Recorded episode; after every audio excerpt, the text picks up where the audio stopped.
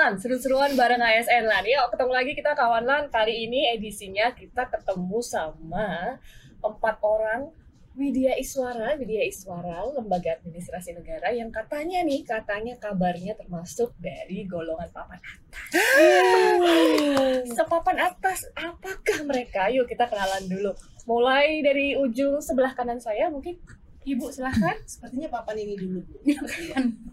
Susahnya begini nih kalau ketemu sama artis-artis jadinya hostnya kalah ya. Ayo bang, bang. Baiklah sesuai usia kali ya Ibu ya. Saya Sinta Dami Simanjuntak Horas Pak. Ya. Horas, Mbak. Udah jelas itu dari mana asalnya, yang pasti bukan dari Papua ya. Eh, saya Widya Suara ahli media dan bekerja sudah hampir 24 tahun di LAN. 24 Ya, Wah. kira-kira seperti itu.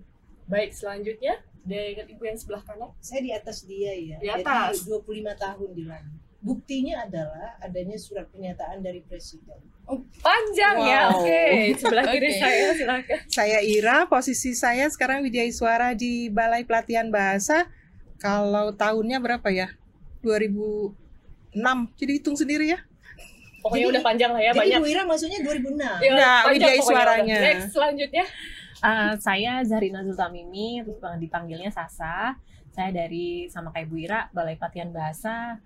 Masuknya tahun paling muda nih Mbak, 2018. 2018. Boleh cerita nggak sih kira-kira awal Yes. mulanya perjalanannya gimana ceritanya bisa ibu-ibu ini berkiprah sebagai Widya Iswara? Apakah dari pertama kali eh, apply di CPNS, eh, PNS langsung kah sebagai Widya Iswara atau tadinya sebelumnya bukan Widya Iswara? Nah, boleh mulai The nih Bu Ani. mystery is uncovered ya. Iya. Jadi tadi saya lupa tuh. Saya Adriani panggil saya Ani. Jadi ini kan eh, kalau misalnya bicara tentang sejarah, sebenarnya saya banyak mengalami beberapa hal yang menarik di dunia di luar mengajar ya. Sekarang kan istilahnya kita pelatihan. Dulu saya sempat jadi sekretaris di project-project eh, di Medan. Pernah juga jadi travel guide. Sebelum Pernah- jadi ASN iya, ya? pernah jadi PNS? travel guide gitu. Pernah juga jadi penerjemah buku-buku manajemen untuk dosen-dosen di USU. Iya. Iya, jadi pernah juga jadi ngajar eh, sebagai asisten dosen di USU juga, Mhm. tapi nggak lama, sekedar coba-coba juga apakah ini eh, sesuatu yang menarik atau tidak gitu, tapi bukan sesuatu yang formal. Saya sudah ngajar juga SD, SMP, sempat juga ngajar di SMEA, jadi pengalaman itu. Tapi alhamdulillah Mhm. pekerjaan yang paling menarik itu sebenarnya jadi Widya Suara di lembaga administrasi negara. Itu begitu jadi ASN berarti langsung jadi Widya Iswara posisinya waktu itu. Waktu itu kita kan Iya. memang direkrut Belum jadi guru ya? ya sih, Oh, instruktur, instruktur. Eh, instruktur guru bahasa dulu Inggris, instruktur Iya, bahasa instruktur Inggris. bahasa Inggris. Kalau Bu Sita Dami gimana itu? hampir sama dengan Bu Ani ya. Jadi masuk eh, CPNS-nya itu jadi instruktur belum belum bisa jadi WI zaman itu kalau umurnya baru CPNS PNS muda nggak dianggap jadi jadi widya suara itu jatahnya yang mau pensiun gitu. Oh gitu. Jadi kita hanya Iya, boleh iya, iya. mengikuti cal, eh, diklat calon widya suara itu tahun 2005 ya setelah eh, hampir 8 tahun di jadi PNS-nya. Jadi tapi pengalaman direkrut dari awal itu kerjanya Udah jadi ngajar. guru. Jadi jadi guru. dan itu relevan dari saya kuliah juga memang sudah ngajar. Jadi, Jadi nyambung. meskipun belum di Widya Iswara, cuman masih berhubungan dengan sangat berhubungan dengan mengajar ya. Selanjutnya ini kalau Bu Ira gimana? Kalau saya itu awalnya nggak tahu apa itu Widya Iswara ya. Teman-teman CPNS gini, Ira kamu jadi Widya Iswara aja teman seangkatan. Saya bener pelangap pelangap apa itu Widya Iswara gitu ya. Nah ketika tahun 2003 atau 2004 setelah Hmm. kel- selesai S2 saya ditempatkan di P3D. Nah baru paham oh ternyata Widya Iswara itu nggak nggak hanya bahasa Inggris gitu ya banyak. Nah mulai itu eh, saya melamar ke Sestama untuk jadi fungsional Widya Iswara. Menarik sekali. Kalau Mbak yang paling muda ini di ujung Hmm. sendiri. Nah, kalau saya ceritanya agak beda nih, Mbak, sama senior-senior saya. Oh, enggak juga. Oh, enggak. Jadi kalau di saya 2015 itu memang waktu pembukaan CPNS ya. Jadi memang dibuka formasi untuk Widya Suara. Iya, iya, iya. Jadi Masanya nggak- Sasa Oh, ya. betul Bu. Memang sih waktu masuk masuk CPNS, masuk ke LAN tuh nggak langsung diangkat jadi Widya Suara. Tapi waktunya nggak begitu lama ya Mbak, karena sekitar setahun dan dua tahun lah, habis itu langsung diangkat jadi Widya Suara. Iya, kalau pertama. udah ke sini lah udah langsung Mm-mm. eh, jelas formasinya. Karena formasinya dari awal Suara. yang dibuka untuk Widya Suara gitu. Kalau pengalaman dari ibu-ibu untuk menjadi seorang Widya Iswara, banyak sukanya atau banyak dukanya? banyak sukanya Suka. dong Pastinya suka, suka banget, banyak sukanya suka banget. Bukan suka artinya I like it so much, tapi memang banyak cerita menariknya. Ada pengalaman yang unik ya Bu kira-kira selama Ibu temuin ketika menjadi seorang Widya Iswara atau dari peserta kah atau dari proses ngajarnya kah? Ber- berbagai angle ya. Jadi kalau jadi widya suara itu sebenarnya kita selalu berpikir kita adalah sumber ilmu pengetahuan atau sumber keterampilan. Ternyata dalam proses pembelajaran itu, saya kira widya suara seluruh Indonesia setuju sama saya ya. Kita tuh lebih belajar banyak dari orang yang kita latih sebenarnya. Dari orang kita yang kita latih, terus partner kerja kita, kita sama Sinta sama Ira, eh, ini kan pernah berbagi, sama termasuk sama Sasa ya. Kita teamwork itu banyak belajar juga dari situ. Karena kalau misalnya belajar bagaimana mengajar atau menjadi widya suara yang pernah kita ikutin ya Sinta ya, TOT dari level 1 atau dari level calon widya suara sampai eh, di utama pun itu belum bisa membantu kita secara utuh. Tetapi dengan belajar dari kawan, belajar dari peserta itu yang Niken ya, eh, membuat kita jadi kaya. Apalagi kalau misalnya mentor kita, atasan kita itu orang-orang yang memang juga peduli dengan kita. Iya. Seperti itu. Artinya kalau saya pernah dengar, jadi paradigmanya itu sekarang katanya udah bergeser nih ya dari dulu misalnya belajar mengajar gitu kan, maksudnya Mm-mm. uh, seorang uh, Widya Iswara yang menyampaikan saja, ternyata sekarang ada istilahnya timbal baliknya dari dua arah gitu. Iya, fasilitator. Jadi eh, peserta itu dianggap narasumber juga. Wah. Iya. Iya, sama dengan Bu Ani ya pengalamannya itu sama. Tapi yang kalau di saya yang paling menarik jadi Widya Suara itu kesempatan untuk belajar itu lebih luas ya. Kalau kita eh, melamar ikut training ke mana, nggak Iya. terhambat tugas-tugas struktural. Jadi kita eh, punya keleluasan untuk belajar banyak di Iya. dalam atau luar negeri. Itu itu keuntungan atau eh, kebahagiaan tersendiri. Ya, Ani ya? Eh tapi harusnya report juga ya info. Ini the best teacher in Medan. Uh, Ya. luar Wow. biasa. She, she was one of the best uh, trainer waktu kita. Saya kan pernah juga mesinta di Medan. Medan. Bareng uh, di Medan. UPT Sumatera Utara ya. Kalau ditanya uh, kan kita punya Itu pilihan. ada ajangnya atau ada dulu ada UPT Medan. Evaluasi dari evaluasi peserta. dari peserta? Oke. Uh, jadi saya selalu ditanya, uh, saya selalu tanya peserta, ini ada beberapa widya suara yang guru gitu ya, Bu Ani, Bu Sinta, boleh nggak? Adalah saya nanya gitu ya, Bu Sinta aja gitu, aduh itu pelajaran yang menarik gitu ya. Ditolak ya, Oh Bu? my god. Ini sekarang uh, mau penasaran deh sama yang muda. Sama yang muda dulu. Eh, pernah nggak eh, ketemu sama ternyata orang yang eh, jauh di atas, maksudnya eh, lebih pengalaman, Pesertanya atau lebih pesertanya. Oh, Jadi tentu saja. kita media suara misalnya di depan ngomong, eh tapi pesertanya ternyata Iya, iya. gitu. Nah, Sebenarnya untuk bisa bergabung di Balai Pelatihan Bahasa itu suatu hal yang sangat apa ya patut disyukuri gitu Mbak karena jarang loh Widya Iswara pertama kayak saya ini yang punya pengalaman mengajar PKN PKN satu. PKN satu PKN satu. dua iya. tapi patut, patut di highlight nih Mbak ini bukan substansinya ya tapi Iya. kebahasaannya ya. Kebahasaan. jadi memang kan kalau bahasa Inggris antara yang ada gap generation ya untuk yang Iya. dulu sama yang sekarang jadi dianggapnya kita yang muda-muda lebih bisa mengajar mereka gitu nah itu ya kita punya cara tersendiri lah untuk mengajar Gimana rasanya grogi nggak waktu itu? Maksudnya ngajar mungkin eh, orang-orang yang jabatannya ber- berasa Mm. lebih lebih dari kita gitu Iya. atau jauh lah ya jaraknya gitu. ya Ada perasaan kayak minder yang gitu pertama kali yang bisa menguatkan menguatkan saya itu sebenarnya mentor-mentor saya di Balai Pelatihan Bahasa sih Mbak. Jadi gimana senior-senior saya ini sangat membackup saya training juga ini mempersiapkan diri saya untuk bisa siap nih mengajar atau memberikan apa ya materi lah sharing ke peserta. Jadi menurut saya peran dari senior-senior saya di Balai Pelatihan Bahasa sangat membantu. Ngomong-ngomong masalah perubahan tadi ya, eh, ada nggak sih perbedaan ibu-ibu antara mungkin lebih yang lebih senior nih, antara kita di kelas zaman dulu dengan zaman-zaman sekarang mungkin yang anak-anaknya eh, apa istilahnya, yang ngajar laksar misalnya milenial, Bandel-bandel. babel-babelnya atau mungkin secara knowledge bagaimana atau apakah ada perbedaan yang mencolok antara dulu dengan sekarang mungkin Bu Ira? Kalau saya intinya sih nggak beda ya karena saya selalu menekankan mengajar itu dengan hati. Cie, keren tak? Jadi meskipun eh, apa levelnya tinggi atau yang seumur atau jauh lebih muda, ya kita menyamakan frekuensi.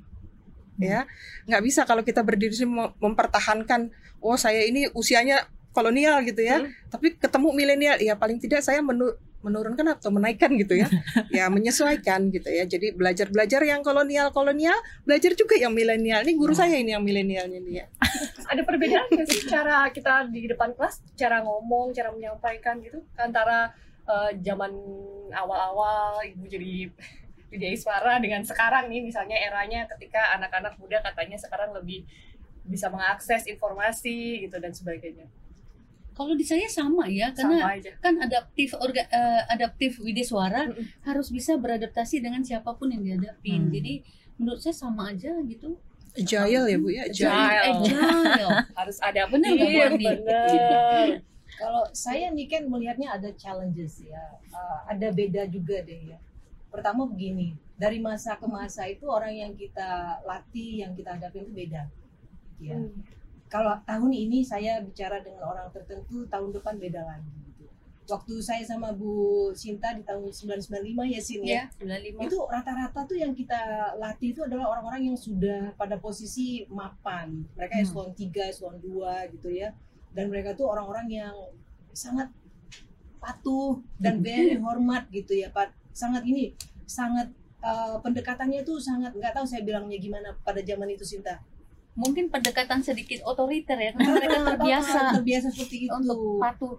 Nah, sementara kita orang bahasa gitu, kita yang muda, tadi itu kan harus belajar juga. Jadi buat saya tuh I have to learn uh, seperti apa mereka gitu. Kadang-kadang ada konflik batin juga dengan uh, situasi seperti itu.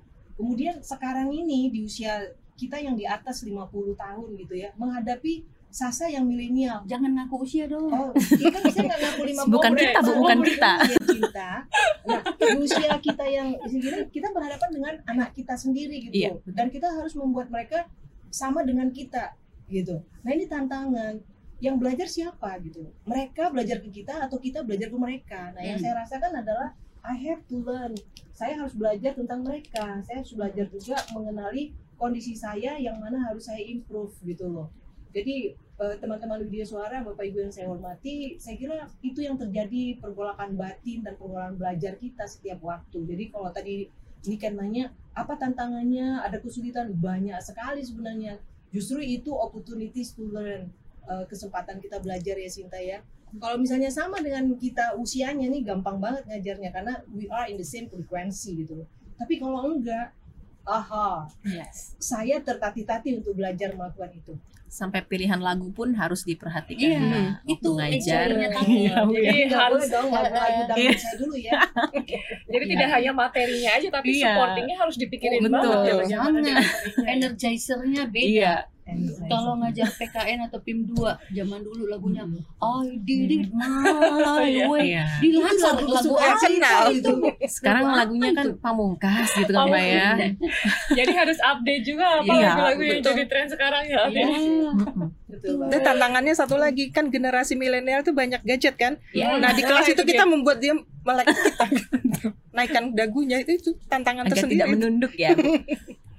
Terus nih, saya juga dengar sesuatu yang seru-seru dari mereka berempat dan saya mulai dari Bu Sinta Dame terlebih dahulu.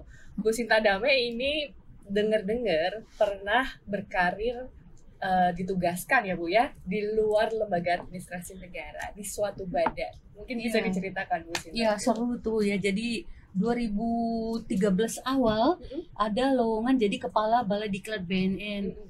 Sebenarnya saya nggak tahu saat saat itu dengan detail tugasnya apa, kantornya di mana. Lido itu saya nggak pernah dengar zaman itu. Yang saya tahu saya eh, harus jadi kepala balai diklat.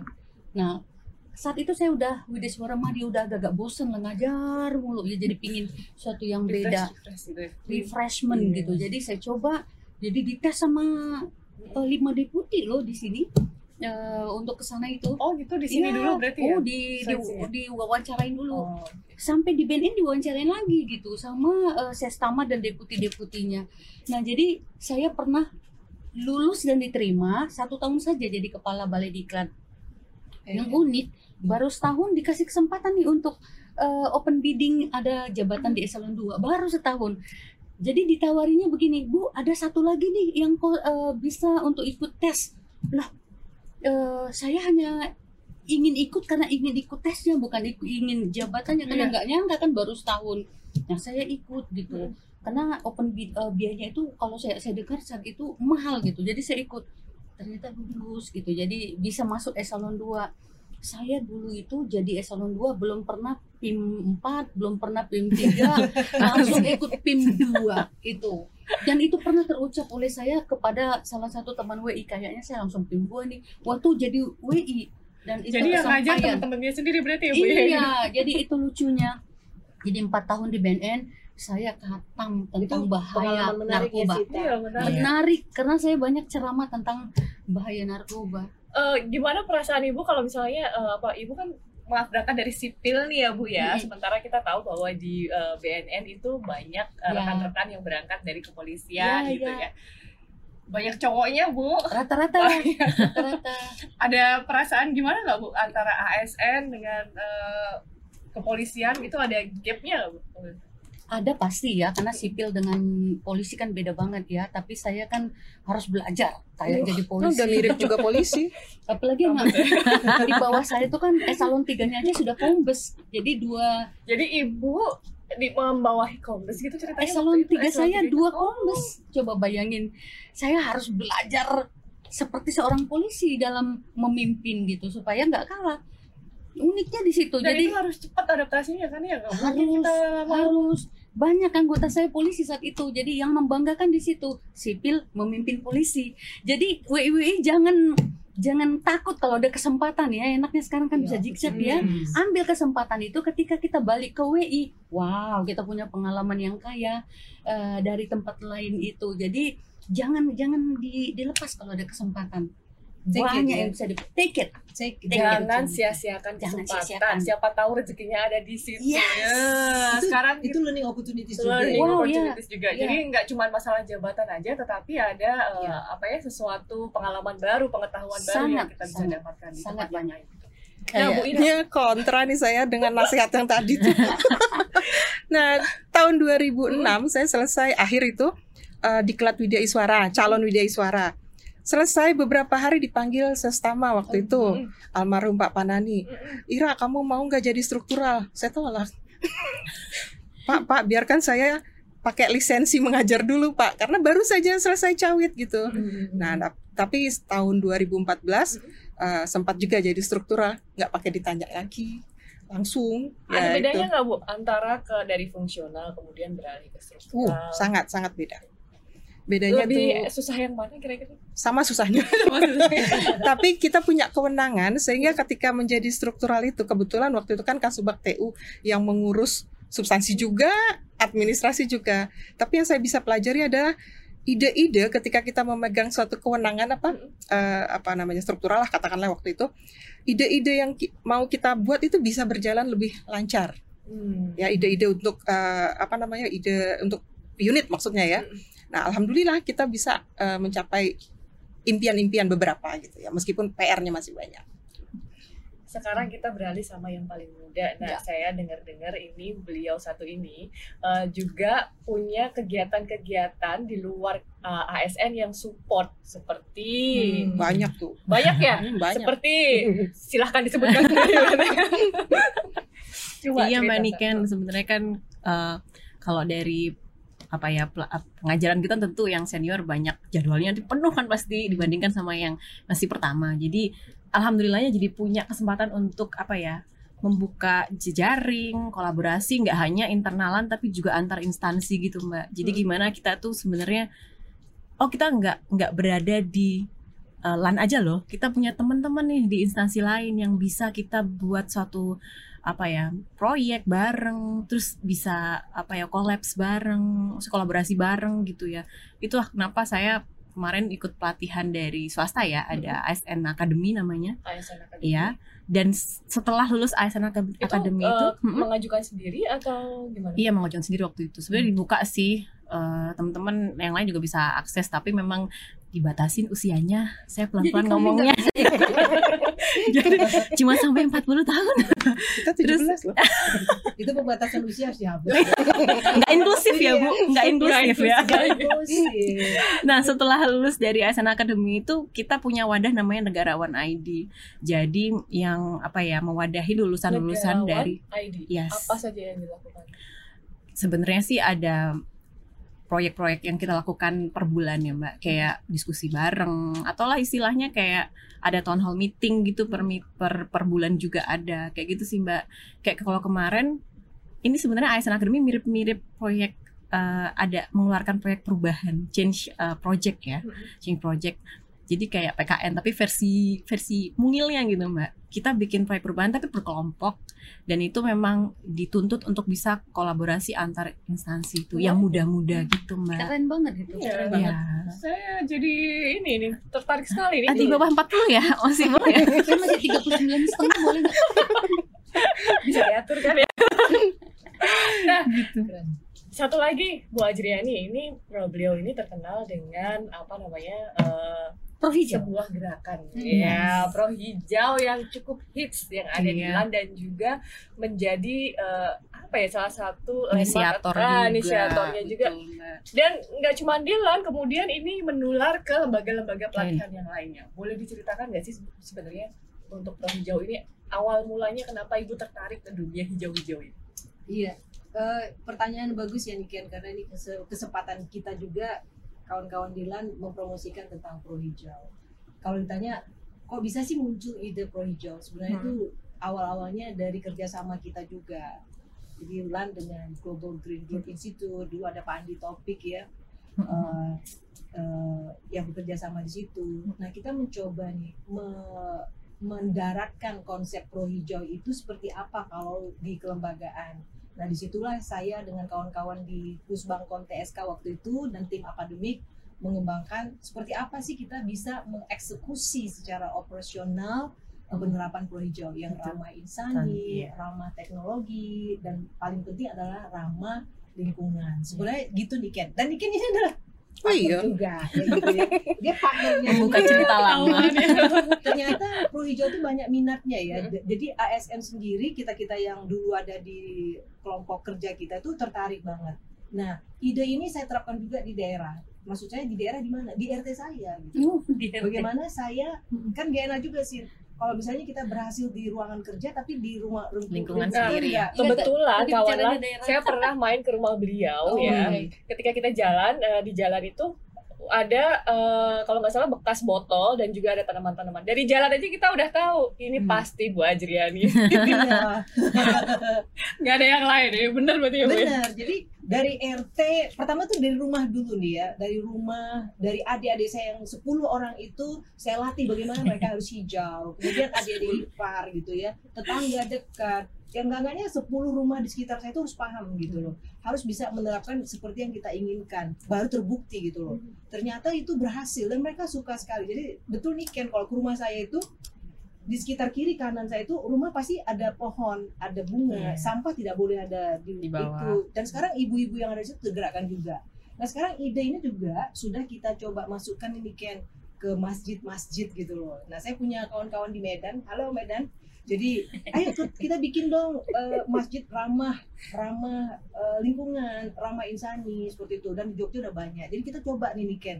Sekolah-sekolah juga. Saya punya kawan-kawan yang ngajar di sekolah SD. Saya datengin ayo SD-nya hijau dong gitu loh. Jadi siapa aja pun gitu. Jadi kita coba merangkul mereka untuk bisa me- mempromosikan itu. Alhamdulillah kemarin kita bikin webinar ya. Terima kasih buat kawan-kawan WI yang ada di seluruh Indonesia ikut webinarnya. Mudah-mudahan kita memang menjadi influencer, menjadi promotor untuk pro hijau itu. Yuk kita hijaukan Indonesia dengan bagaimana kita ramah terhadap orang-orang yang kita latih, kemudian peduli banget dengan lingkungan, eh, jangan pakai plastik ya. Ini Ibu Humas tadi juga eh, kasih tahu saya jangan pakai plastik gitu loh. Masker pun ini mohon maaf ya harusnya juga nggak pakai ginian.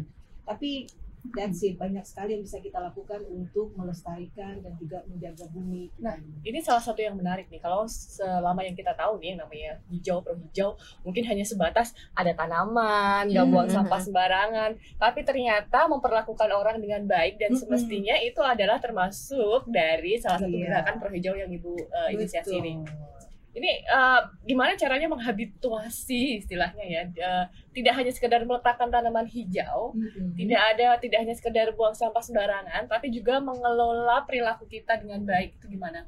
Ya, mulai dari kita ya. Kita set dulu nih. Eh, kita harus punya komitmen. Saya bisa. Saya saya mau. Saya bisa gitu lah. Misalnya seperti Niken bilang, tanam bunga tiap hari misalnya, atau tiap tiap minggu. Hmm. Saya tiap minggu itu minimal 5 pot saya tanam. Kan rumah itu kecil. Lo potnya ke mana? Kasih tetangga dong. Hmm. Jadi bunga-bunga yang saya tanam tuh kasih tetangga. Siapa aja boleh ambil kalau mau gitu. Silakan. Kalau ada bunga-bunga yang dicuri di di gang-gang itu yang sudah saya kasih, eh ambil. Orang memang saya kasih buat kamu, kan cuma berpindah tempat aja. Nah banyak orang yang berpikir gini, kalau nanam bunga atau nanam pohon atau nanam cabai di sekitar lingkungan, nanti diambil orang bu. Ya iya memang gak apa-apa, itu memang kita siapkan, kita sedekahkan untuk orang ambil. Iya. Dan biasanya ibu-ibu selalu takut gitu ya. Iya, ngambil. biasanya. Nanti dibunuh orang. Disimpan. no, mahal, Bu, soalnya Saya cabai. tidak selalu berpikir begitu. Bu Jadi Ajriani taruh anggrek nggak di halaman? di halam oh kalau misalnya itu kita juga harus cerdas ya Bu kalau pohon-pohon bunga yang kira-kira itu mahal gitu enggak juga Agak-agak dekat rumah ya kalau mahal ya. Heeh. Dikasih alarm.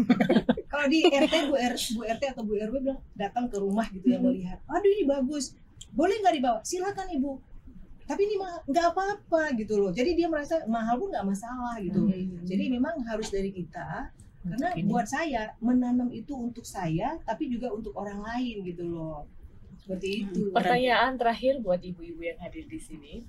Eh, kita sekarang ada yang namanya perubahan atau yang dikenal dengan disruption ya, terutama karena penggunaan teknologi. Iya.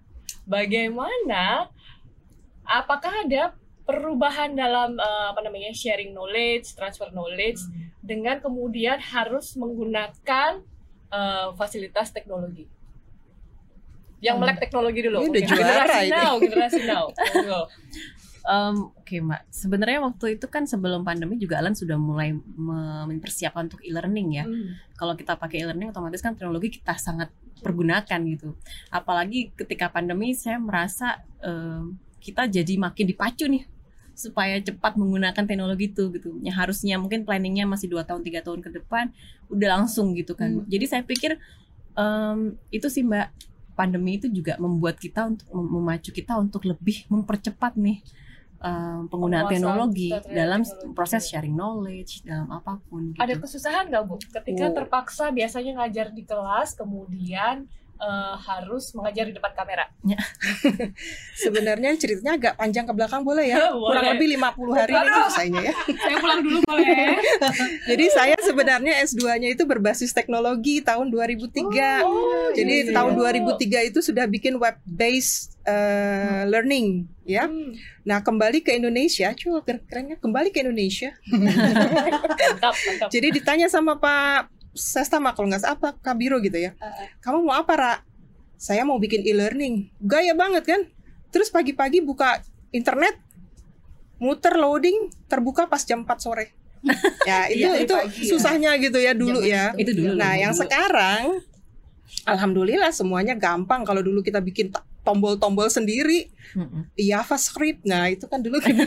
kalau sekarang sudah klik klik klik klik. Jadi eh, sebenarnya eh, kema- apa namanya? kemauan untuk berubah bagi saya itu sudah sudah udah lampau susahnya itu. Oh, jadi eh, tidak ada kendala khusus Oh, ya? kendala pasti. Oh, Tapi kan ada ini, ada ini nih. ada ini sebelah saya. ya, mau nggak mau kita harus tetap melakukan Iya, itu tetap kan ya? harus rajin rajin klik klik klik gitulah mencoba-coba itu ya. Mm. Itu ya. Sekarang buat Bu Sinta dan juga Bu Ajriani, kan kita menghadapi generasi yang lebih, misalnya eh, generasinya Sasa misalnya ya, Hmm. di mana mereka men- bisa mendapatkan informasi dengan cepat, Hmm. bisa lewat internet. Kadang ada nggak sih Bu ketakutan ngomong eh, kira-kira ini yang udah aku omongin mereka udah browsing duluan nggak? Mereka Hmm. udah searching duluan nggak sebelum saya ngomong nih? Oke, good point. Good point. You tell first. ya, kalau saya itu lebih senang ya eh, brainstorming dulu, tanya-tanya sejauh mana ini audiensnya sudah menguasai. Jadi saya nggak khawatir gitu jadi saya juga kan udah browsing browsing enaknya kita itu dulu udah disiapkan disiapkan untuk belajar e-learning dari awal 2018 ya e-trainer gitu. Kebetulan TSK dulu yang fasilitasi. Jadi menariknya kita nggak ketakutan menghadapi perubahan teknologi ataupun milenial yang hebat-hebat ini. Karena kita udah dipersiapkan cara menghadapi mereka. Lan ini luar biasa emang mempersiapkan Wida suaranya untuk Iya. menghadapi tantangan-tantangan seperti itu. Jadi eh, kita kan fasilitator yang bukan harus tahu segalanya. Hmm. ilmu audiensnya itu yang kita puter-puter untuk saling Hmm. eh, belajar jadi nggak ada khawatirnya sampai sekarang saya makin pede apalagi dia muda-muda ikut memberi Kalau nggak bisa teriak-teriak kita. Iya, kalau nggak bisa gimana? jadi tinggal bertanya kita Iya. sharing knowledge-nya luar biasa Jadi itu kisah kita Mas. di ini itu bagaimana ibu Ajriani Iya, tadi kan pertanyaan ini kan eh, apa apa kesulitan ya Mhm. dengan dunia sekarang yang buat saya ada sulitnya belajar untuk menggunakan teknologi dengan cepat dan tepat, Mhm. tapi itu dengan mudah kita pelajari jika punya sahabat gitu ya, dan itu terjadi di kita. Eh, sebenarnya mud- enak banget gitu dengan teknologi sekarang. Kenapa pengetahuan tuh banyak sekali dan luar biasa sumber-sumbernya. Kadang-kadang every day we are bombarded gitu ya. Kita tuh Hmm. dibombardir dengan banyak sekali buku-buku yang free gitu ya, informasi yang free. Iya. Tetapi problem kita adalah apakah kita punya waktu membacanya dan memaknai buku itu. Terkait relevansinya dengan anak muda, nah ini tantangan buat anak muda sebenarnya, bukan buat kita yang eh, ini ya. Anak muda itu banyak mendapatkan eh, sumber-sumber belajar, tetapi problemnya mereka tidak punya waktu untuk membaca dan mengunyah ya dan menginternalisasinya. Nah inilah kesempatan kita para widya suara yang senior ya untuk memberikan waktu buat mereka mengunyah, kemudian menginternalisasikannya, dan kita intervensi di situ supaya sama nih persepsi kita tentang suatu ilmu pengetahuan. Jadi eh, kolaboratif sebenarnya ya Niken ya, ya Sasa ya. Jadi dan motivasi juga Bu Ani. memotivasi. Dan untuk kecepatan belajar, buat saya tuh orang yang senior itu, ini ada juga penelitiannya ya, tidak menjamin anak muda itu cepat belajar dibanding orang yang lebih senior, Hmm. tidak menjamin. Jadi tidak ada bukti evidence yang kuat mengatakan orang tua atau senior citizen itu lemah otaknya dibanding dengan anak muda. Tetapi yang ada adalah kekuatan belajar orang itu semakin kuat jika dia terus latih. Iya. sama dengan kita melatih otot. Otak juga demikian. Hebatnya manusia dengan kemampuan otak seperti itu siapa aja pun sampai usia kita sangat uh, senior itu nggak mempengaruhi kemampuan berpikir kita nah semakin banyak membaca banyak belajar banyak mengajar uh, kemampuan kita makin bagus. Itulah enaknya jadi Wida suara. Banyak belajar banyak mengajar banyak membaca. Tantangan nggak pernah berhenti setiap hari ya. Jadi Oh, karena beda-beda. harus menghadapi banyak orang otomatis Hmm. kita juga harus mengasah Dengan mata pelatihan sama, pesertanya beda-beda. beda-beda. Cara menghadapinya berbeda Betul. juga Jadi kemampuan mengadaptasi dan mempersiapkan. tempat Nah, duduknya juga beda ya Oh iya. kalau saya pernah ngobrol dengan salah satu salah seorang eh, kebetulan pegawai lain juga beliau mengatakan bahwa teman-teman muda ini emang luar biasa bekerjanya cepat cepat eh, idenya banyak kreatif gila dan sebagainya tapi rekan-rekan yang senior ini punya wisdom di mana Hmm, mereka bisa that's it. merangkul teman-teman yang muda Iya. itu untuk bisa bekerja sama bekerja bareng akhirnya mencapai tujuan yang diinginkan. Saya masih pengen banget kawan ngobrol banyak-banyak tapi apalah daya nih empat orang WI menarik kita ini emang nggak akan habis. Kalau misalnya kita eh, gali gali dan gali cuman waktunya sudah habis. Terakhir kata saya mau bilang bahwa cintai pekerjaan kamu. Hmm, ya kan? Terus kemudian uh, lakukan apa yang kamu suka, insya Allah lah istilahnya keberkahan akan datang kepada iya. kita. Yes. Tapi tentunya di jalan yang baik ya. Oke, sampai ketemu selanjutnya. Bye-bye. Bye-bye. Bye-bye. Terima kasih Niken, makasih semuanya. Terima kasih.